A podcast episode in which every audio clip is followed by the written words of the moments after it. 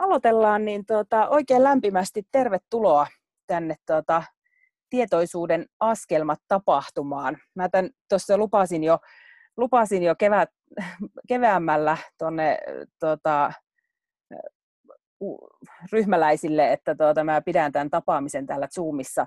Ja sitten mulla oli noiden nettisivujen kanssa niin, niin haipakkaa, että mä en, mä en sitten kerennyt aikaisempaan aikaisempaan tätä pitää, mutta nyt, nyt on nettisivut valmiina ja saavat vähän aikaa kelvata semmoisenaan, niin, niin mulla, on, mulla on sitten tarkoitus, että, että tässä katsotaan, voi itse asiassa vaikka jutellakin tämän tapaamisen jälkeen, että jos mä tässä nyt niin kun otettaisiin ihan säännöllinen, säännöllinen tapaaminen, jossa sitten voitaisiin valita erilaisia aiheita, mistä keskustellaan, että olisiko se sitten vaikka joka toinen viikko tai kerran kuukaudessa, mikä nyt mikä nyt sitten niin kuin tuntuu, tuntuu sopivalle aja, aja, niin kuin aja, aja, välille, että et, tota, niin, niin, ei ole liikaa, mutta että sitten aina jäisi vähän, jäisi, päästäisiin niin kuin jatkamaan tavallaan siitä edellisestä, koska tämä tietoisuusasia on sellainen, että tämä, mä laitoin siihen tietoisuuden askelmat, niin, niin periaatteessa ehkä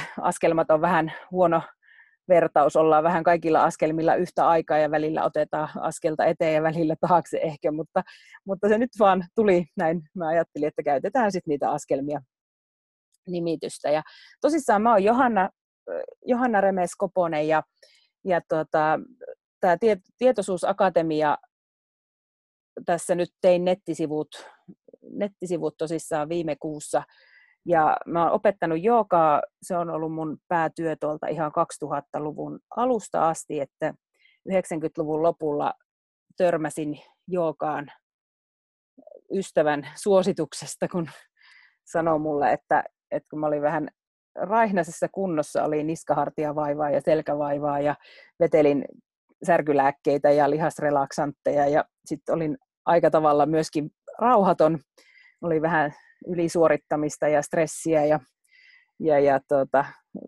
hyvin vilkas mieli, niin hän mulle suositteli joogaa ja mä ajattelin, että mä en kyllä todellakaan lähde sinne tuota, niin, niin, hippien kanssa pyllimään mihinkään joogaa, että ei ole tosissaankaan mun juttu, mutta onneksi, onneksi sitten tuota, vaivat olivat niin pahat, että lopulta päädyin sinne joogakurssille ja se oli kyllä menoa sitten heti ensimmäisestä, ensimmäistä joogatunnista lähtien, että tiesin, tiesin kyllä välittömästi ensimmäistä oon mantraa tehessä, että tämä, tämä on mun juttu, tätä mä tulen tekemään, tekemään varmaan tuota, niin, niin, loppuelämäni. Ja sinne joogamatolle ne itse asiassa sitten ne fyysiset vaivat alkoi jäämään ja vähitellen, no sanotaan näin, että, että mulla on ollut sellainen intohimo tähän, tähän asiaan, että sitten kun se jooga ja meditaatio ja nämä jutut vei mennessään, niin mä en ole kyllä oikeastaan, niin kuin, se, on, se on ollut mulle niin kuin täys, täyspäiväistä elämää siitä lähtien. Ja se on ehkä se myöskin, mitä mä niin kuin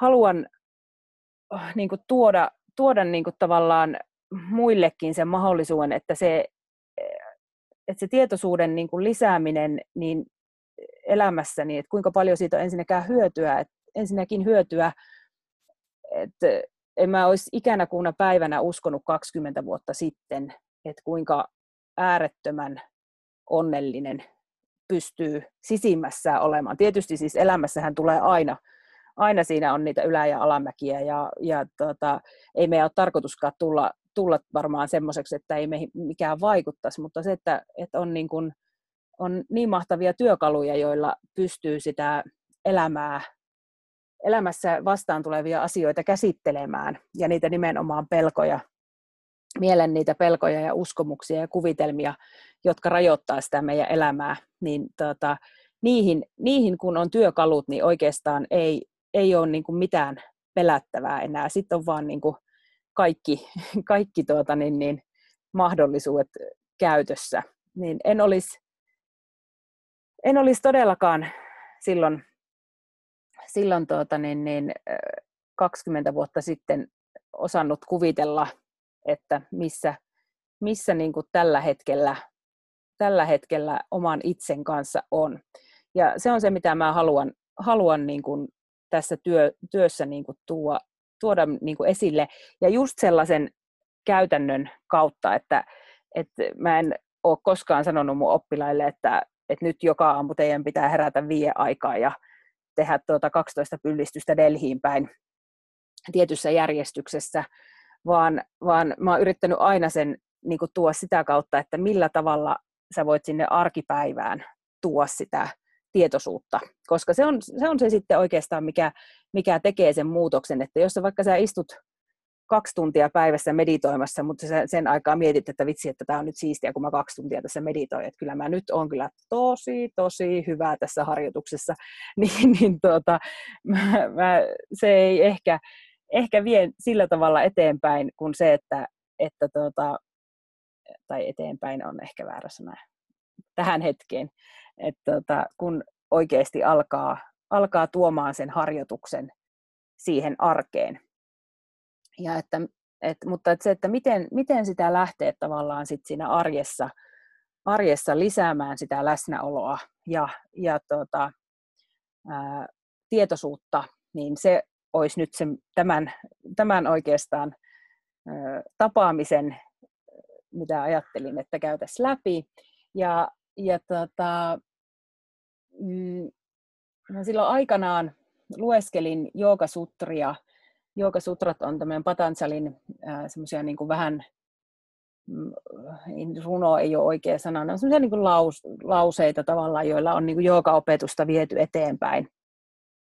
Ja tuota, alkuun se oli semmoista ihan hebreaa, tuntuu, että ei, en mä siitä niin oikein ymmärtänyt mitään. No sanskriitti ja hebreaa sama yhtä, yhtä tuota, niin, niin, hankalaa.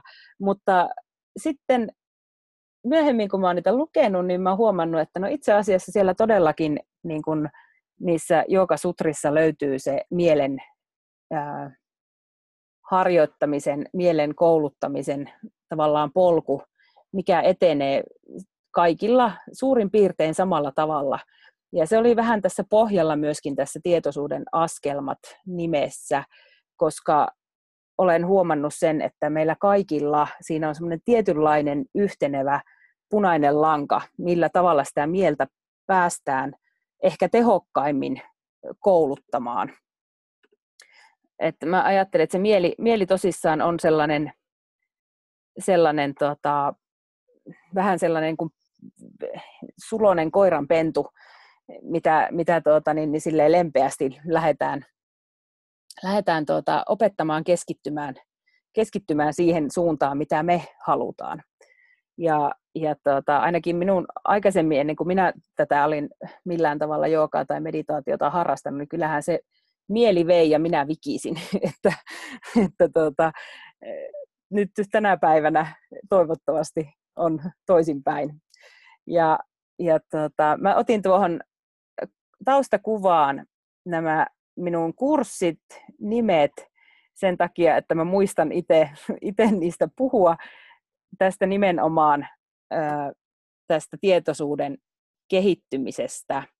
Ja, ja on tosissaan niin kuin nämä kurssit tehnyt ikään kuin sellaiseksi jatkumoksi sillä pohjalla, että, tai siltä pohjalta niin kuin ajatellen, että miten se mieli, mieli tuota, saadaan pikkuhiljaa keskittymään ja sitten mahdollisesti myöskin hiljenemään, jolloin se tulee esille se tietoisuus, se todellinen itse, se kuka me todella oikeasti ollaan. Et, et se, ennen, ennen kuin me ruvetaan sitä mieltä harjoittamaan, niin ainakin minä itse ja aika moni, kenen kanssa on jutellut, niin on sanon vakaasti uskonut, että minä olen tämä keho, minä olen nämä ajatukset, minä olen nämä muistot, minä olen nämä kuvitelmat ja käsitykset itsestä. Mutta sitten kun me lähdetään sitä mieltä tarkkailemaan tai harjoittamaan, niin, niin me tullaankin tietoiseksi siitä, että minähän itse asiassa olen se, kuka näkee tämän kaiken, kuka kokee tämän kaiken. Minä voin kokea oman kehoni, minä voin kokea omat ajatukseni, minä voin kokea tunteet ja, ja tota, silloin, silloin tullaan tietoiseksi siitä todellisesta itsestä, siitä tarkkailijasta. Ja tois, toisaalta tietysti paradoksaalisesti me myöskin ollaan tietenkin myöskin tämä keho, ajatukset, uskomuksetkin tietyllä tavalla, mutta tuota, niihin ei ehkä kannata samaistua. Mutta joo, eli kuten puhuin, niin hyvin, hyvin usein me lähdetään siitä kehotietoisuudesta. On just jotakin kipuja, kipuja, jännityksiä, jotka vie meidät sinne hoitamaan sitä kehoa jollakin tavalla. Että aika monesti niin kuin se, tavallaan se herääminen, herääminen tuota, siihen tietoisuuteen lähtee siitä, että siellä kehossa on jotakin, jotakin mikä meitä herättelee, ilmoittelee itsestään, että hei, nyt ei olla oltu ihan läsnä. Ja silloin kun me ei olla oltu läsnä tässä hetkessä tietoisia, niin sinne meidän kehoon jää niitä jännityksiä. Sinne jää, jää tuota, meidän, meille tuota, tapahtumia, sellaisia tilanteita, missä ei olla voitu tuntea niitä tunteita, joita siihen hetkeen on liittynyt. Ja, ja ne näkyy meidän siinä seisoma-asennossa, ne näkyy koko oikeastaan niin kuin kehon asennossa.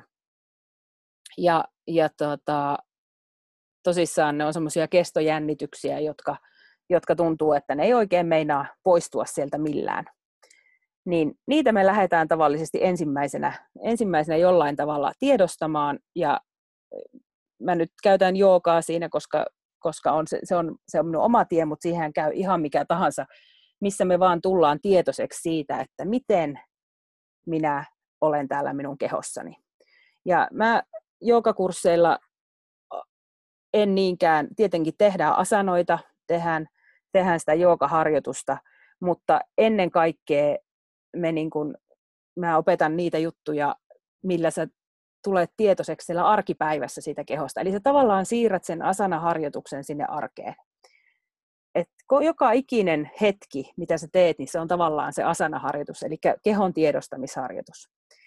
Ja silloin, silloin se todellinen muutos tapahtuu nopeasti. Ja se on tosi mielenkiintoista, että kun meidän keho muuttuu, meidän kehoasento muuttuu, sieltä häviää joku jännitys, tai, tai me saadaan voimaa johonkin tiettyyn kohtaan, mitä ei aikaisemmin ole ollut, niin käykin niin, että myöskin meidän mieli alkaa muuttumaan. Se vaikuttaa meidän mieleen automaattisesti ja voit vaikka itse kokeilla ihan sellaista, että sä annat pään painua alas leuka kohti rintaa, niin hetken aikaa kun siinä on, niin alkaa tuntua siltä, että vitsi, että hei, onpa masentava olo. Ja ja to, tai, tai vaikka ra, se voi myöskin rauhoittaa, koska eteen, eteen taivutus rauhoittaa, mutta että et, keho ja mieli ovat niin tavallaan käsi kädessä koko ajan. Ja se, se, se, kun me ensin tullaan tietoiseksi siitä kehosta, niin me aletaan tulla seuraavaksi tietoiseksi sieltä mielestä. Mä oon tuohon seuraavaksi ottanut hengittäin hetkeen kurssin, eli hengityksen. Se on yhtä aikaa oikeastaan varmaan tapahtuu myöskin sen, kun me tarkkaillaan sitä kehoa, niin me aletaan tulla tietoiseksi myöskin siitä, että hengitys reagoi tosi voimakkaasti tunte, niin kuin, tapahtumiin. Eli tähän tiedätte, että jos sä säikähät, niin heti pidättää hengitystä. Ja hengitykseen hengitys tuo meidät aina, silloin kun me ollaan tietoisia hengityksestä, mitä siinä tapahtuu, niin me ollaan aina väistämättä läsnä tässä hetkessä, koska hengitys on koko ajan tässä. Se ei, se ei voi olla menneessä eikä tulevassa. Niin sen takia toi mun hen- kurssin nimi on Hengittäin hetkeen, koska joka, joka kerta kun me tullaan tietoiseksi hengityksestä, niin me ollaan silloin, silloin aidosti läsnä tässä hetkessä. Mutta tosissaan tämä tietoisuus kehosta, että fyysi, fyysisestä kehosta ensin, ihan siitä tästä lihaksista, mitä siellä tapahtuu, miten se keho toimii, niin se alkaa syventyä tavallaan tietoisuuteen hermostosta. Että se hermoston toiminta vaikuttaa siihen meidän hengitykseen. Tietysti me voidaan vaikuttaa myöskin itse hengitykseen suoraan, mutta tässä on, tässä on niin tosi, tosi tuota, tarkkana pitää olla hengityksen kontrolloinnin kanssa, koska hengitys tai niin kuin keuhkot on meidän ainoa sisäelin, jota me ainakaan näin niin kuin tällä hetkellä tahdonalaisesti voidaan, voidaan tuota niin, niin, säädellä. Niin meidän pitää olla hyvin, hyvin tietoisia silloin, kun me lähdetään tekemään hengitysharjoituksia tai vaikuttamaan siihen hengitykseen, koska niillä taas on suora yhteys siihen me, hengityksellä siihen meidän hermostoon ja sitä kautta juurikin koko kehoon. Voidaan väärin tehdyillä hengitysharjoituksilla saa oikein nopeasti koko kehon jumiin. Ja sitten hengityksellä on myöskin vaikutus sinne meidän mieleen. Ja mun kolmas kurssi onkin vapaa mieli. Mä en voinut vastustaa tätä. Mä oon vähän tämmönen, tota, tykkään, tykkään huumorista, niin tässä on ihan kyllä oikeasti kyllä ihan tuota taustakin tällä vapaa mieli meditaatiokurssin nimellä. Eli sitten kun me aletaan tulla tietoiseksi siitä mielestä, että mitä siellä meidän mielessä tapahtuu. Minä en ole nämä ajatukset, minä en ole, en ole ne kuvitelmat ja uskomukset, vaan minä olen se, joka pystyy katsomaan niitä. Niin hir, hirmu usein törmään meditaatiossa, meditaatiossa niin kuin, tai meditaation suhteen ajatukseen, että ihmiset ajattelee, että meidän pitäisi jollakin tavalla kontrolloida meidän mieltä. Että sitä mieltä pitäisi pakottaa hiljaiseksi tai, tai, tai että me voitaisiin mukaan jollakin tavalla pakottaa meidän mieltä. Mutta se ei kyllä todella ole mahdollista. Mieli on, öö, mieli on tavallaan, se ehkä helpottaa kun, aj, niin kuin sen tiedostaminen, että kun ajattelee tai ymmärtää sen, että mieli on tavallaan aistielin. Mielen tehtävä on suojella meitä. Sen tehtävä on pitää meidät turvassa, eli se muistaa asioita ja se kykenee suunnittelemaan asioita. Ja nämä jutut on sellaisia, mitä se mieli pystyy tekemään ihan täysin itsenäisesti ilman, että meidän tarvitsee oikeasti puuttua siihen ajatteluun millään tavalla. Et mehän kuvitellaan, että minä ajattelen, mutta todellisuudessa mieli ajattelee itse. Ja minä olen se tarkkailija siellä taustalla. Tosin minä voin tietysti sanoa, että just nyt mä en halua tätä ajatusta ajatella. Mä voin yrittää painaa sen mielen niin kuin tavallaan hiljaiseksi, ajatuksen pois sieltä, mutta todellisuudessa se pomppaa sieltä niin kauan esille se ajatus, kunnes se tulee nähdyksi.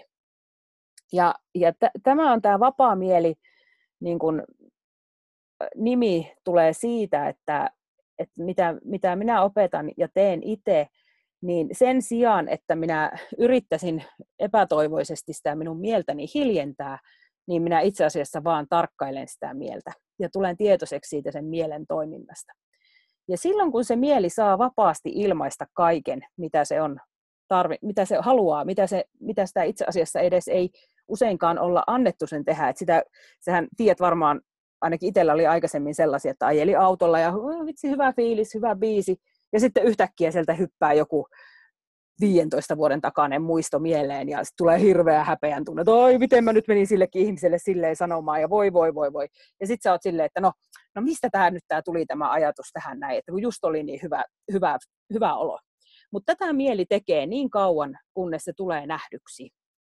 Elikkä, eli jos me ei suostuta sitä mieltä tiedostamaan, me ei suostuta antamaan sen ilmaista itseään, niin heti kun tulee joku tilanne, missä se, me ei olla valppaana, niin se mieli alkaa nostamaan sieltä niitä käsittelemättömiä asioita pintaan. Ja tosissaan paljon helpommalla pääsee, kun sen niin kuin tavallaan turhan yrittämisen sijaan sanoikin sille mielelle, että anna vaan tulla kaiken, minä, minä katselen sitä. Ja sitten kun se on aikansa sitä mieltä on tutkittu, annettu sen, annettu sen kaikki ilmasta, mitä se haluaa, niin sitten se mieli rupeaa rauhoittumaan. Ja se kyllä ihan, minä tiedän, että se todellakin toimii, että minä voin luvata, luvata että kun, kun siihen vaan suostuu siihen harjoitukseen, niin se lopulta, lopulta se mieli, mieli tuota, niin, niin huomaa, että aha, nyt on kaikki, kaikki tuota, saanut selittää asiat, mitä sitä on painanut, ja se hiljenee. Ja silloin me pystytään olemaan vapaana, vapaana myöskin siitä, siitä tota, ainakin hetkittäin. Eikä se, ja se ei haittaa, jos me ollaan tietoisia, vaikka se nyt se mieli siellä vähän jotain selittäisikin. Mutta että, että ainakin omalla kohdalla niin huomattavan paljon on, on sellaista tuota, hiljenemistä myöskin siellä mielessä tapahtunut. Aikaisemmin analysoi, pohti, muisteli lakkaamatta. Se koko ajan. Siellä oli jonkun, eikä niin edes yksi ajatus, vaan siellä tuntui, että siellä oli varmaan kymmenen ajatusta päällekkäin. Nykyisin menee pitkiä aikoja ihan tässä hetkessä sen enempää pohtimatta tai suunnittelematta tai muistelemattakaan. Huomattavan erittäin vapauttavaa, siitä tulee ihan valtava määrä energiaa käyttöön.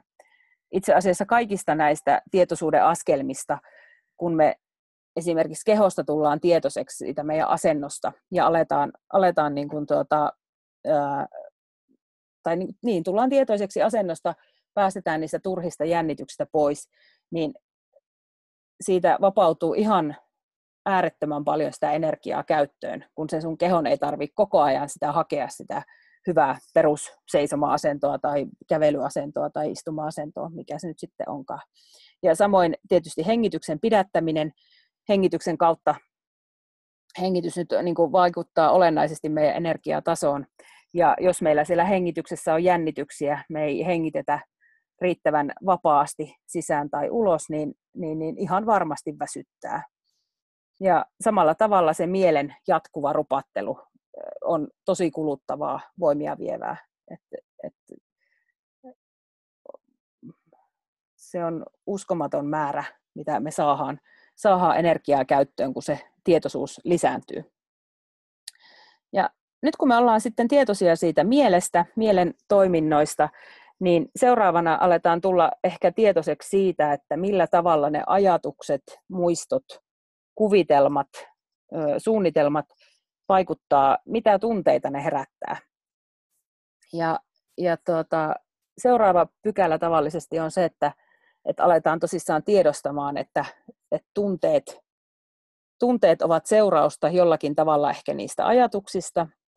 Ja, ja tuota, mm, että missä ne tunteet tuntuvat ja kuinka paljon tavallaan siellä on sellaisia meillä kehossa, hengityksessä ja mielessä jännityksiä, jotka on seurausta niistä tunteiden pidättely tai tunteiden vastustamisesta, siitä, että me ei haluta tietynlaisia tunteita. Me luokitellaan tunteet, että ne on positiivisia tai negatiivisia, ja niitä, mitä me pidetään negatiivisena, me ei haluta tuntea, ja, tai ollaan ihan vallan mainiosti onnistu, että mä, mulle, mä en koskaan ole kateellinen, siis se ei ole, mulla ei ole sellaista tunnetta olemassakaan.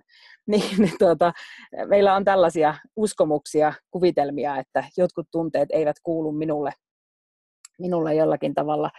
Ja, ja silloin kun me vastustetaan niitä tunteita, niin taaskin menee ihan valtava määrä energiaa siihen, siihen tuota, tunteiden vastustamiseen. Ja nyt kun me ruvetaan, tullaan tietoiseksi niistä tunteista, aletaan tarkkailla niitä, niin, niin, niin pikkuhiljaa, pikkuhiljaa sitten, kun ne pystyy hyväksymään ne tunteet, antamaan niiden tuntua sellaisenaan, niin saadaan taas ihan valtava määrä energiaa käyttöön, käyttöön sitä kautta, kun ei tarvitse kehon ja mielen olla koko ajan varuillaan, että ettei vaan tapahdu mitään, joka herättäisi nyt semmoisia negati- niin sanottuja negatiivisia tunteita minussa. Ja, ja, ja sitten ehkä tunteiden kautta päästään myöskin sitten tietoisuuteen siitä, että, että mitä se todellisuudessa esimerkiksi tunteet on ja mitä, mitä me itse lopulta pohjimmiltaan ollaan. Ja mulla sitten siihen, siihen on sitten tuo chakrakurssi, eli energiavapaaksi kurssi. Tunteet ja chakrat liittyy olennaisesti toisiinsa, toisiinsa tuota, niin, niin, ja mä nyt mietin, että minkä verran mä tässä jo nyt niin paljastan tavallaan tästä, tästä asiasta, ettei, ettei nyt harhaudu ihan hirveän pitkään yksin puhelua harrastamaan, mutta ehkä sitten voi, voi tuota itse, itse sitä tutkailla, että mitä ne tunteet todellakin on, kun ne tuntuvat kehossa, ja jos niitä ei vastusta, niin se tietyllä tavalla se tunne ehkä liikkuu siellä kehon keho, kehossa, keho, kehon energiavirrassa. Ja, ja, ja sitä kautta sitten voi tuota, päästä ehkä niistä sakroista myöskin, myöskin tuota, tietoisuuteen. Mutta, mutta näin, näin tuota, mä ajattelen, että se tosissaan se, me mennään tietysti aina, ei, me men, ei se mene se tietoisuus tälleen nyt järjestyksessä, että, että tuota, sit kun sä olet tuon kehoa tuntenut, niin sit sitä ei enää sitten sen jälkeen, jälkeen tarvii harjo, harjoittaa tai, tai tuota, jos on, on mieli tai tunteet vaikka tuttuja, niin, niin, niin sitten ei tulisi uusia oivalluksia hengityksestä tai muuta. Mutta tietyllä tavalla, kun olen jutellut ihmisten kanssa, niin, niin tässä on sellainen punainen lanka, että, että nämä, tämä tietoisuus syvenee koko ajan. Ja, ja sitten tietysti tosissaan välillä aina palataan, palataan aina oivaltamaan jotakin asiaa uudestaan ja uudestaan. Ja, ja tuo niin kuin esimerkiksi kehotietoisuus on sellainen, että edelleenkin 20 vuoden jälkeen niin lähestulkoon joka harjoituksessa jollakin tavalla se harjoitus syvenee, sieltä tulee joku oivallus, jonkunlainen pieni juttu, ihan joku millin, millin tuota, kehon siirto muuttaakin koko sitä asentoa ja, ja taas, taas niin kuin mennään syvemmälle, syvemmälle siihen, että mil, mitä siellä kehossa tapahtuu. Et ei se, ei se silleensä nyt tosissaan ihan askelma, askelmalta mene. Mutta tota, nyt mä oikeastaan en haluaisi tämän enempää tätä jatkaa niin kuin tässä tätä pohjustusta. Kerron sitten lisää, kunhan, kunhan tuota, jos te haluatte kysyä tai kommentoida. Ja, ja vielä, vielä sitten tosissaan seuraavilla tapaamiskerroilla mä ajattelin, että voitaisiin ottaa niin kuin yksi askelma kerrallaan, jossa sitten käydään ihan, ihan niin kuin konkreettisemmin läpi sitä, että miten, miten siellä arkipäivässä pystyisi sen tietoisuuden lisäämään. Et miten, miten tulla vaikka tietoiseksi kehosta. Tosin opetan sitä tietysti tuolla joogakurssillakin, mutta semmoisia käytännön, käytännön juttuja sieltä. Mutta haluaisiko joku pistää mikrofoni auki ja kommentoida, kysyä, kertoa jotain, jotain tuota tähän, tähän väliin? Mä voisin ottaa ryypyn vettä, kun puhuin suuvaahdossa.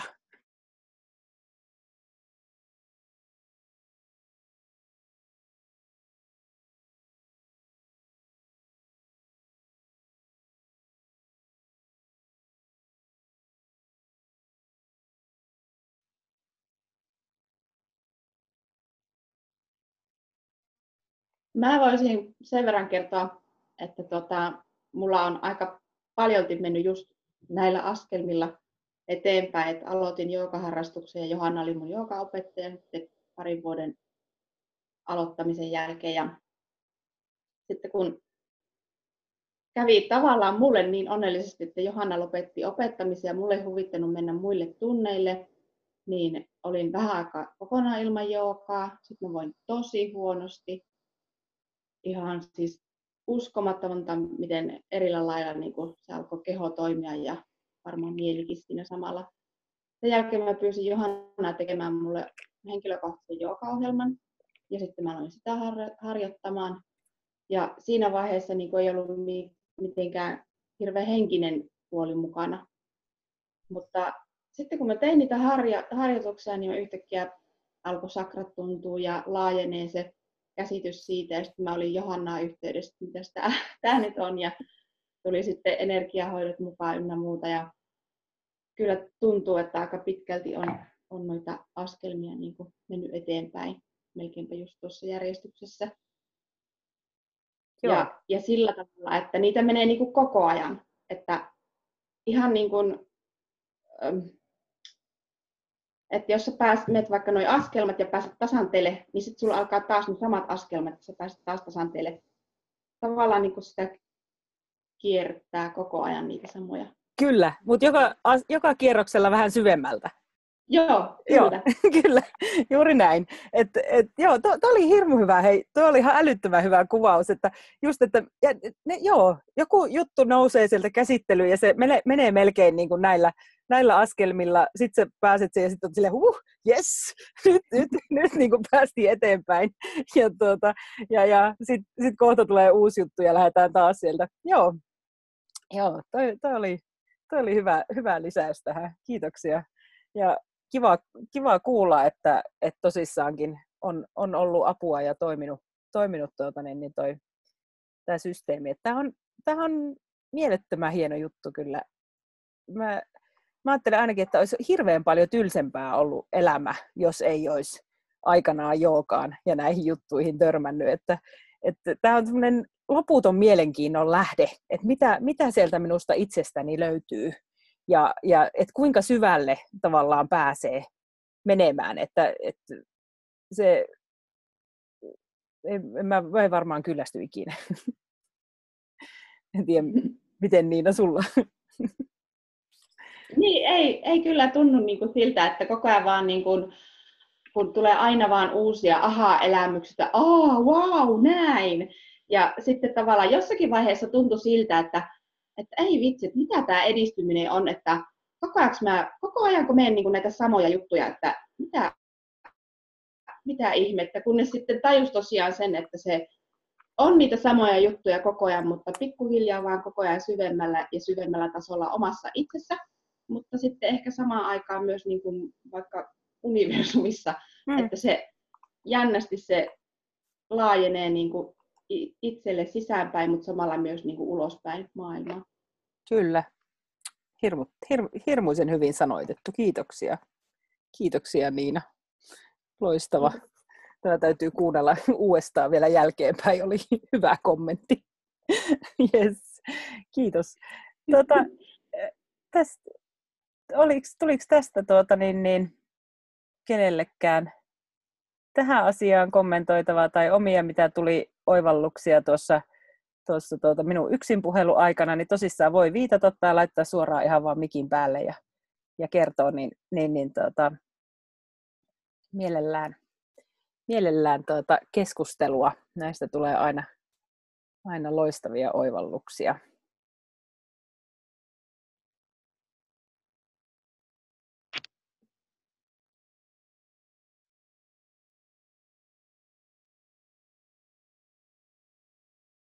Syvä hiljaisuus. mm, joo. No mutta tuota, jos, jos tuota, joku nyt toivottavasti ei, ei tuota, niin, niin jännitä aukasta mikkiä sen takia, että, että on tässä ei tuttuja, et vieraita ihmisiä paikalla, mutta tuota, voi laittaa sinne chattiin vaikka viestiä, niin mä voin sitten, voin sitten lukea sieltä ja, ja, ja kommentoida, jos jotakin, jotakin, tuota, jotakin tuota, se puhuminen jännittää. Mutta joo, toi oli kyllä toi Niinan, Niinan tuota, kuvaus oli kyllä tosi hyvä. Että on niin, tämä on niin hieno, hieno systeemi, että kun koko ajan niin kuin pääsee, pääsee syvemmälle ja syvemmälle siinä, siinä tietoisuudessa, että mitä, mitä minä niin kuin oikeasti, oikeasti olen. Et tota, et se, on, se on kyllä... Tuota... Hei, no niin, kuuluuko, kuuluu. kuuluuko? No Teija täällä, terve. Terve. Mä vaan niinku semmoista, semmoista niinku, itse kun on rauhoittunut ja se mielen kanssa, niin se on jännä, kun tässä varmaan viikko pari sitten, niin tota, mä, he, mä niin kuin olin hereillä, mutta joku, onko tämä niin sen mun oma ääni, kun sa, sanoi mulle tällä tavalla, että, että sä, sä et osaa mitään. Mm. Sano mulle tällä tavalla, että, niin kuin, että, mä että mistä toi ääni kuuluu. Että se tuli niin kuin yhtäkkiä niin kuin mun sisältä. Mm. Niin, niin tämä on, tää on sitä, sitä sielun puhumista, mitä se niin kuin harrastaa. Se saattaa sanoa sulle yhtäkkiä, kun sä annat sille tilaa, niin se saattaa sanoa tosikin ikävää asiaa. Mm. Mutta olisiko se, olisiko se kuitenkin se tavallaan se meidän miele, mieli, joka on niin kuin ottanut niitä uskomuksia ja kuvitelmia sieltä, sieltä tuota matkan varrelta, jotka niin kuin itse asiassa, jos me ei olla niistä tietoisia, niin ne tavallaan vaikuttaa meidän toimintaan koko ajan. Et se on niin tavallaan sellainen niin tietokoneohjelmointi, että sinne, on, mm. sinne vähän niin kuin tulee lisää osia koko ajan. Siis se on tämmöinen, niin kuin, mikä se on nämä, nämä tota, tätä PC-koneet on just semmoisia, että nehän keräilee sinne niitä kaiken näköisiä ohjelman pätkiä koko ajan, ja sitten parin vuoden päästä ne on ihan tiltissä, se ei toimi se kone ollenkaan. Et Applella on parempi systeemi, se aina nollaa ne kaikki ne tuota, uudessa päivityksessä sieltä, niin, niin tää ehkä, tässä voisi verrata, niin kuin, että tavallaan se meidän äh, mieli on niin kuin se PC-kone, tuota, niin, niin siihen asti, kunnes me tullaan tietoiseksi siitä. Ja sitten, sitten meditaatio on vähän tämä Applen kone, että se aina, silloin kun me tehdään meditaatiota, niin se poistaa sieltä niitä, niitä turhia pätkiä tavallaan, tiedostopätkiä, mitkä voi sitä, tuota, niin, hiastaa sitä toi, mielen toimintaa tai vaikuttaa siihen. Niin toi, just, toi, just toi kuvaus, mitä sä sanoit, niin tuo, mä väittäisin, että toi on just se meidän alitajunen mieli, joka tavallaan haluaa tulla nähdyksi, että hei, mulla on täällä tämmöinen uskomus, mulla on täällä tämmöinen kuvitelma. Niin. Mutta jos me ei olla tietoisia siitä, niin se on se koko aikainen ajatus tavallaan meistä itsestä siellä. Ja se ohjaa tekemään asioita juurikin niin, että et en mä tohon pysty kuitenkaan, en mä kuitenkaan osaa. Ja se ei edes tule, niin kuin, me, me vaan niin kuin jätetään asioita tekemättä sitä varten, kun se meidän alitajuinen mieli sieltä vakuuttaa, että et sä tätä osaa tai et sä tähän pysty. Mutta kun sä yhden kerran tulee tietoiseksi siitä, että ahaa, täällä on tämmöinen kuvitelma, että mistä tämä nyt on oikein tullut, niin, niin jos sä sen Joo. pystyt tavallaan tiedostamaan, niin sehän ei enää vaikuta suhun sen jälkeen. Joo, toi on mielenkiintoista, koska kyllä mä olin vähän hämmästynyt, että miten, mun, miten, miten mä, musta tulee tuommoinen ääni, koska mä en ajattele sillä mutta se on ollut niin piilossa multa hmm. itseltänikin, toi ajatus. Kyllä, kyllä, kyllä. Ja ne on juurikin niitä sellaisia ajatuksia, mitä me ollaan joskus lapsena, tai se voi olla, että joku on vaikka sanonutkin sillä tavalla, tai joku on, niin kun, sä oot jostakin lukenut Joo. sen ajatuksen, että tämä on näin, ja se jää uskomukseksi sinne mieleen. Ja tosissaan nämä kaikki tämmöiset uskomukset, Joo. kuvitelmat, niin ne ohjaa sitä meidän toimintaa, kunnes me tullaan tietoiseksi. Ja sitten kun me ruvetaan just tekemään jotakin harjoitusta, missä se mieli saa nostaa sieltä esille niitä, niin me aletaan näkemään, että ahaa, täällä on tämmöinen mummon kuvitelma ja täällä on tämmöinen isältä opittu asia ja ahaa, tämä on minun äitini ääni, mikä täällä puhuu. Ja nämä kaikki eri äänet tavallaan on siellä meidän alitajunnassa koko ajan vaikuttamassa ja niitä just tuolla lähdetään sillä meditaatiolla putsaamaan, että okei, tarvitsenko mä oikeasti tätä kuvitelmaa? Onko tästä mulle mitään hyötyä? Ja kun me tiedostetaan ne kuvitelmat, niin ne lakkaa vaikuttamasta. Ja sen jälkeen sitten me vasta oikeasti voidaan niin kuin puhtaasti nähdä asiat sellaisena kuin ne on ja reagoida myöskin niihin asioihin semmoisena kuin ne todellisuudessa on, eikä sen meidän alitajuntaohjelman kautta. Ja, ja sitten sit koko maailma on vapaa. Sitten se, niin kun, sit se ei enää ne kuvitelmat ei ohjaile meitä ja pelot, kun niissä vielä takana on tavallisesti aina joku pelko. Niin joo, hienoa, että sinä sen, joo. hienoa, että se sun mieli sai nostaa sen sieltä esille. Ja sä et torjunut sitä, Joo. niin nythän se on, se on tiedostettu. En torjunut. Mm, nyt se ei vaikuta enää. Sitten sä voit valita tuota, niin, niin toisella no niin. tavalla. Joo. Jes, mahtavaa. Joo. Hieno, hieno homma. No niin, kiitoksia. Kiitoksia. Yes. Toi oli, toi oli hyvin, hyvin tiedostettu. Siis todellakin tähän, kun aloittaa, aloittaa harjoituksia, niin, niin, niin voi ihan kysyä omalta mieleltä, että mitä uskomuksia minulla on itsestäni. Sitä tehdään tuossa meditaatioharjoituksessa, mielenpuhdistamisharjoituksessa tehdään ihan harjoitusta, missä tuota, annetaan mielen nostaa esille kaikkia kuvitelmia, uskomuksia ja koetaan ne. Et siinä on siinä oikeastaan niin kuin, niin, niin kuin sanoin, että, että me ehkä liikaa yleensäkin ota, ottaen ajatellaan, että meidän pitää tehdä asioita, mutta todellisuudessa riittää, että me tullaan tietoiseksi. Ei niille niinkään tarvii oikeastaan sen enempää tehdä mitään. Et melkein mitä vähemmän tehdään ja enemmän tiedostetaan, niin olisi semmoinen hyvä, hyvä tuota, nyrkkisääntö, tai ei sääntö, ei tehdä sääntöjä, mutta tuota, ei, ei, ei tarvitse niin kauheasti ponnistella. Mä oikeastaan nyt tämän, tämän vuoden aikana on isoin oppi, mä, siis joo, mä, eli varmaan kaikki ei tiedä, siis me tasa vuosi sitten myytiin, myytiin meidän talo ja ostettiin tuota asuntoauto ja ollaan reissattu ympäriinsä, ympäriinsä sit siitä lähtien. Ja meillä ei ole mitään suunnitelmia seuraavalle päivälle. Me ei olla koskaan katsottu valmiiksi yöpaikkoja, missä me ollaan tai, tai suunniteltu edes, että minne me mennään, vaan me päätetään aina siinä hetkessä, sitten kun huvittaa, niin että mitä, mitä tehdä. No okei, työt, työt tietysti on sovittuna, mutta näin tämmöiset niin mihin ei, ei, niin kuin tavallaan mitkä on vain meihin itteen liittyviä asioita, niin isoin asia vielä, mitä tässä oikeastaan viimeisen vuoden aikana on oppinut, että mitä vähemmän minä puutun asioihin, niin sen paremmin ne toimii. Ja se liittyy myöskin tuohon vapaa-mieli meditaatiokurssin niin oikeastaan teemaan, että se tosissaan se mieli osaa kuvitella, tai siis ajatella itse, ja minun ei tarvitse siihen puuttua, kun olla vaan tietoinen siitä. Niin ehkä vähän samanlainen ajatus myöskin tähän meidän elämään, että se elämä kyllä tapahtuu ja lutviutuu tosi hyvin, jopa paljon paremmin, kun minä en siihen ihan hirveästi lusikkaani, lusikkaani tuota, työnnä, vaan annan sen ikään kuin virrata, tapahtua itsestään. Että, että kaikista oikeastaan niin kuin parhaat hetket ja parhaimmat tapahtumat on just tapahtunut sillä lailla, että hei, hetkessä, että no tehdään, valitaanpas nyt toi tie tai, tai tuota, mennäänkin, mennäänkin nyt to, tuota, niin, niin, mennäänkin nyt ihan eri suuntaan kuin mitä, mitä ollaan menossa, niin yhtäkkiä saa vaan päähän, että vaihdetaan, vaihdetaan suuntaa ja menee sitten sen mukaan. Niin, niin tota, hmm, joo, tämä on ollut oikeastaan tässä nyt viimeisin, viimeisin ajatus, että mitä vähemmän mä puutun, puutun tähän elämän virtaan, niin sen, sen hienompaa ja parempaa se on.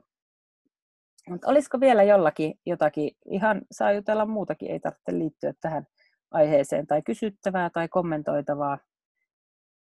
Mä ajattelin, että me noin tunnin verran tässä, tässä oltaisiin, niin kohta on tunti täynnä, mutta että vielä, vielä tuota, toki ei ole mikään kiire, jos ei ole nukkumaan kiire.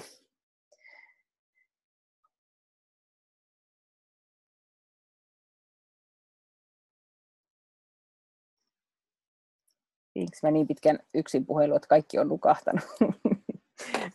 tuota, unettava ääni. Joo.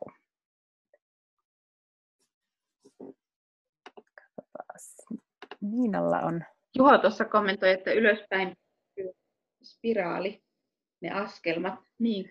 Joo. Kyllä varmaan niin kuin just niin kuin aikajanakin tai tällä lailla, en tiedä miten se liittyy niin kuin aikaan ja kaikkeen, että kaikki menee siellä spiraalissa. Kyllä, kyllä. Tämä oli, olisikin pitänyt laittaa tietoisuuden spiraali. se, olisi, tuota, se, olisi, se olisi ollutkin hyvä. Joo, mutta näin se on. Se on ihan totta. Totta kyllä. Ja, ja tuota, Milla laittoi, että tämä menee nukkumaan. Hyvää yötä, Milla. Mä laitan, laitan tuota nauhoitte, tai tuon linkit sitten tästä nauhoitteesta. Joo. Mites muuten, onko tämä ajankohta hyvä, että kun mä mietin sitä, tätä aikaa, että minkä mä tähän nyt valihtisin, niin sitten mä ajattelin, että jos on pieniä lapsia, niin ehkä lapset jo nukkuu tähän mennessä ja, ja tota, on kerennyt käydä kaupassa ja muuta, niin tuntuuko, että jatkossa, jos me näitä tapaamisia järjestetään, niin onko tämä yhdeksän sopiva aika? Saat laittaa miki auki tai laita vaikka chattiin, chattiin että miten, miten tuota sun mielestä on hyvä. Ja samoin, että mikä olisi sopiva väli tähän nyt sitten seuraavalle tapaamiselle. Että onko tuota, onko tuota, joo, niin että myöhemmin ei kyllä, tästä myöhempää ei varmaan jaksa, jaksa tosissaan, mutta että joo. ei aikaisempaankaan, niinkö? Että... Niin, mulle ainakin oli myös hyvä tämä aika, ja tuota, ajattelin sitä, että parin viikon välein olisi ehkä kiva tällainen keskustelu Joo. saada. Joo, ja onko tuota, onko tuota niin, niin tuo, joo, niin, eli ei aikaisemmin jo, jo justiinsa. Eli, eli hyvä, ehkä kaksi viikkoa ja, ja tuota, tähän, ja sunnuntai, onko tämä sunnuntai ihan ok ilta, ilta tälle? Mulla on heinäkuussa, mulla on toi sakrakurssi on sunnuntaille justiinsa. Laitoinkohan mä sen? Mun pitää tarkistaa se, tuota, tarkistaa se aika tuosta vielä sitten. Mutta tässä tuli hyvä kysymys. Voiko tiedostetuista vahingollisista uskomuksista päästä eroon kehollisen työskentelyn kautta, jos muuten ei tunnu pääsevän eteenpäin? Kyllä voi. Ihan ehdottomasti. Kehollinen työskentely on se kaiken pohja, se mihinkä, mihinkä aina palataan, että, että mä en voi oikeastaan sitä niin kuin liikaa, liikaa tuota korostaa. Mutta tietysti ne vahingolliset uskomukset, niin tuota, öö, joo, kyllä.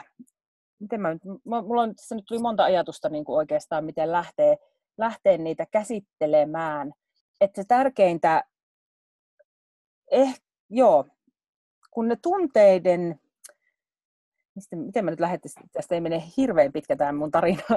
Eli tuota, kun ne uskomukset sitoutuu kehoon tunteiden kautta, ja tämä on nyt taas tätä tunne tunteeksi ja chakrakurssiasiaa, niin ää, sekä se tiedostaminen että sitten niin kuin se, että minkä tunteen kautta se uskomus lukkiutuu sinne kehoon. Et jos siihen pääsisi niin kuin käsiksi tavallaan ää, siihen me tehdään tätä energiaa, mä teen tätä energiahoidossa aika paljon ihmisten kanssa, käydään läpi sitä, tai siinä parantava tietoisuushoidossa, eli silloin kun keskustellaan sitten vielä siitä, että mikä jännitys siellä kehossa on, niin, niin, niin kun me tavallaan ollaan tietoisia, että siellä on se tietty ajatus, ja sitten kun me tunnetaan se, että miltä se tuntuu kehossa, missä se uskomus tuntuu, niin sitten kun se ollaan tunnettu ihan kunnolla, että jos se vaikka nyt on, jos se on vaikka täällä rintakehässä, että jos sulla tulee joku uskomus mieleen ja se ahistaa sinua rintakehässä, niin silloin kun se tunnet sen, miltä se uskomus, kuvitelma tuntuu ja annat sen olla, sallit sen tuntua, niin silloin keho tai itse asiassa mieli saa niin kuin tutkia sen asian. Ja mielellä on sellainen ominaisuus, että kaikki, minkä se saa tutkia, niin siitä se päästää irti. Mutta kaikki, mikä me kielletään, jää sinne ikään kuin semmoisena niin kuin alitajuisena muistutuksena koko niin se on siellä valmiina tavallaan koko ajan muistuttamaan meitä, että hei, sulla on tämä asia käsittelemättä. Niin, niin, niin kun se on koettu siellä kehossa se uskomus, niin mieli pystyy tutkimaan sen ja päästämään siitä irti. Niin ehdottomasti joo, näin. Eli kehollisen työskentelyn kautta. kautta tuota. Vastasiko tämä kysymykseen? Voit laittaa mulle vaikka privana pri, privaa viestiä siitä, tai lisäkysymystä, jos, jos tuota, ja saa avata mikrofonia myöskin ja kommentoida. Mitä Niinalla on mikki auki, niin haluatko sanoa? Ah, se on kyllä ihan se jäänyt auki. Mutta kyllä ainakin itse tunnistan sen, että, että niin kun se kehollinen työskentely, niin se, se on vähän niin kuin pullataikina, että vaivaa jatkuvasti, niin kun, että kun pääsee vaivaamaan sitä kehoa ja muokkaamaan tai, tai niin kuin venyttämään joogan tai rentouttamaan joogan avulla, niin sitten sieltä niin kuin pullahtaa esiin uusia juttuja, joita sitten tiedostaa ja, ja tuota, käsittelee. Kyllä. Että kaikki tukee tavallaan toisiaan, että, että sekä kehotyöskentely joukan tai jonkun muun, muun tuota, työskentelyn kautta tiedostaminen, kehon tiedostaminen, samoin jollakin tavalla se hengityksestä tiedostaminen, mitä siellä tapahtuu, miten se reagoi, ja, ja, ja sitten niiden ajatusten, kuvitelmien, uskomusten tiedostaminen, tunteiden tunteminen ja sitten myöskin sen energian, sen mitä me todella pohjimmiltaan ollaan, niin sen tarkkailu, tiedostaminen, ne kaikki on kuitenkin niin kuin tosissaan, miten se nyt sanoo, läs, niin, kuin, niin, ne on läsnä koko ajan siinä, joo, joo. Mä jotenkin kadotin tämän, kadotin tämän tuota, niin, niin, tässä, tässä tuota matkan varrella tämän, ehkä punaisen langan tästä omasta jutustani, mutta, mutta tuota, et, et, et, joo, et ne kaikki herää siitä, vaikka just jos sä teet sitä joogaharjoitusta, niin ne kaikki on kuitenkin tavallaan siinä läsnä, läsnä koko ajan, vaikkei niin ehkä joka kerta täysin tietoisena kaikki tasot. Joo. Okei. Okay vast, oliko tämä, tämä tuota, Joo. joo, joo, ja tässä tosissaan hyvä, tuli, että ei ole lisäkysymyksiä tähän, että sulattelen asiaa, iso juttu, ei hetkessä sisäisesti kaikki. Niin, niin tuota, tässä, tämä on tosissaankin oikeasti, tämä on iso, laaja juttu. Ja plus vielä ehkä sitten se, että, että mä lähestyn näitä asioita ehkä hieman eri tavalla kuin monet niin kuin tämmöiset muut suuntaukset, mutta mä, mulla on sellainen, että mä en voi opettaa mitään muuta kuin sitä, mitä mä oon itse kokenut. Eli mä oon tosi tosi tarkka siitä, että mä en ikinä opeta mitään, mitä mulle on kerrottu tai mitä mulle on opetettu, vaan vasta sitten, kun minä olen jonkun asian sisäistänyt, kun se on oikeasti ymmärretty. Ja se ymmärtäminen tarkoittaa minun mielestä sitä, että se on niin sen kokemuksen kautta, kokemuksen kautta niin kuin tavallaan sekä tunnettu omassa kehossa, omassa mielessä ja, ja myöskin siinä omassa energiassa, niin vasta siinä vaiheessa minä tota, niin, niin, puhun tai, tai opetan niitä juttuja, että, että mä oon tosi tosi tarkka siitä, siitä, että kaikki on koettua, plus lisäksi ne on vielä niin kuin testattu ilman muuta tuota, kursseilla ja, ja ihmisten kanssa työskentelyssä, että, että, tuota, niin, niin, että ne todellakin toimii. Ole, en, mä, mä tykkään, että mä olen sen verran laiska ihminen, että mä olen sitä mieltä, että mitään asioita ei kannata tehdä, jos ne ei tuota tulosta. Eli no, jotain voi tehdä ihan mukavuuden takia, mutta, mutta että jos vaikka me tehdään harjoitusta, niin se tehdään niin, että todellakin se muuttaa jotakin. Et kun sä oot tehnyt sen harjoituksen, niin sulla on jollakin tavalla erilainen olo olla siellä kehossa. Sä tunnet, että, että se keho vastaa eri tavalla siihen, tai sulla on erilainen energia, erilainen fiilis. Et se ei vaan ole pelkästään sitä, että tehdään, tehdään asioita sen takia, että niitä pitää tehdä, tai joku sanoo, että niitä pitää tehdä, vaan, vaan kaikki, mitä me tehdään, niin me tehdään sen takia, että mä oikeasti haluan tehdä sen. Mä haluan sieltä niin kuin, tuntea, että sillä on joku vaikutus, ja, ja, tota, ja te, tehdään se tietoisena. Tehdään se niin, että se todellakin, sä teet mieluummin yhden jutun täysin tietoisena, kuin tosissaan sen, että kaksi tuntia kaksi tuntia vaikka teet asanaharjoitusta ja mietit siinä samalla, että Oi, pitääpäs käydä tämän jälkeen kaupassa ja no voi vitsi, kun se opettaja silloin 30 vuotta sitten sanoo sillä lailla ja, ja, ja mitenköhän tuota ens, mitä hän sitä lomalla tekisi ja näin, niin se ei mun mielestä aja ihan asiaansa, että mieluummin se hetki täysin tietoisena ja sitten ei tee muuta, jos, jos ei pysty olemaan sinne tietoinen. Mutta miltä teistä tuntuu nyt, tuliko tässä ainakin nyt tuli tuossa privaattia viestiä, että, että on sulattelemista tuota, niin, niin, paljon asiaa. Miten muista, muista tuntuu, että tuliko ajateltavaa tietoisuudesta tai tietoisuuden askelmista, niin kuuli, ottaisin mielellään palautetta, saa avata mikrofonia, sanoa tai, tai laittaa viestiä.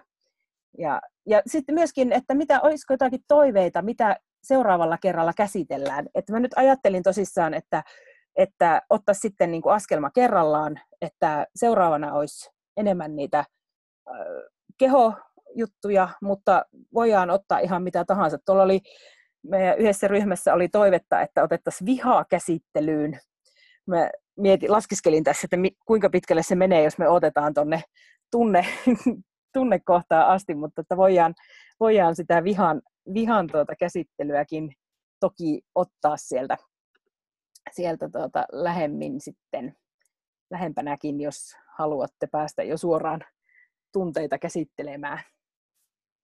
Mutta chattiin voi laittaa viestiä tai avata mikrofonia ihan, ihan miten vaan. Kumpikin käy.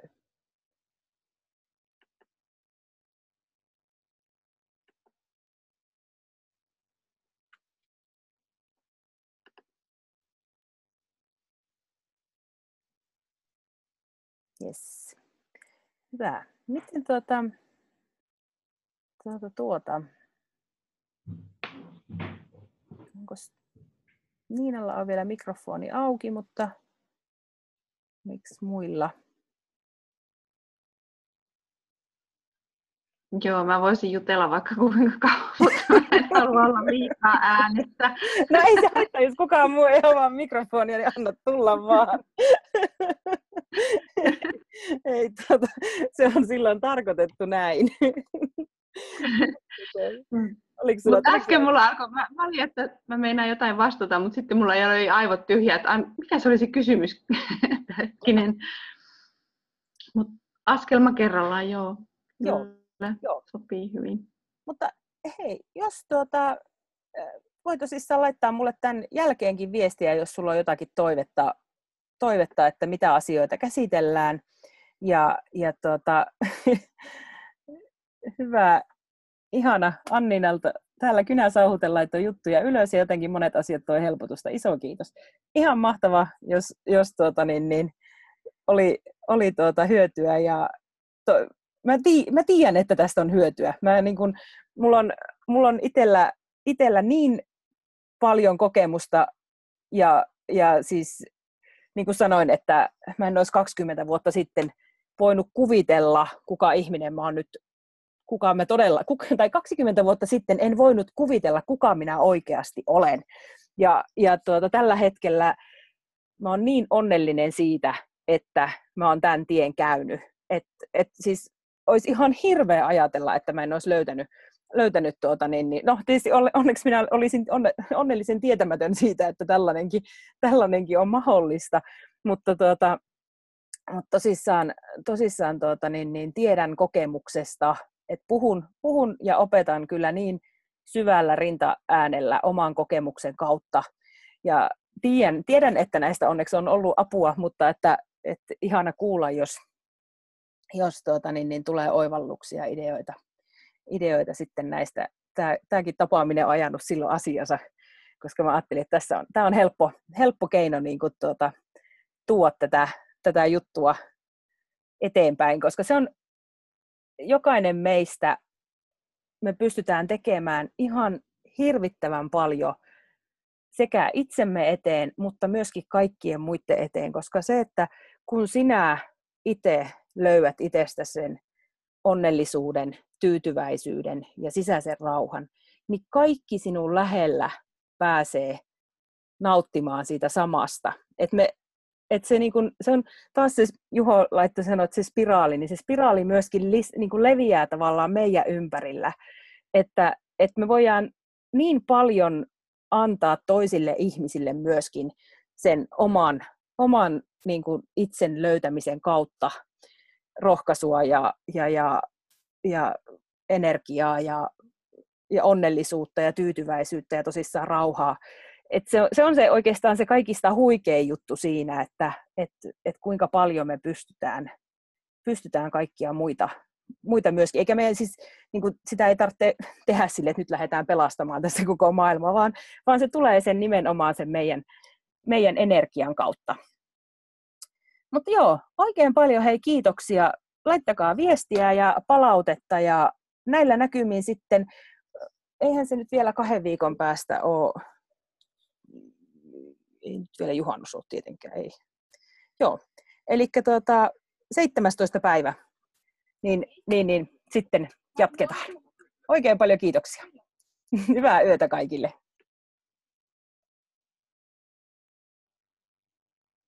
Kiitos.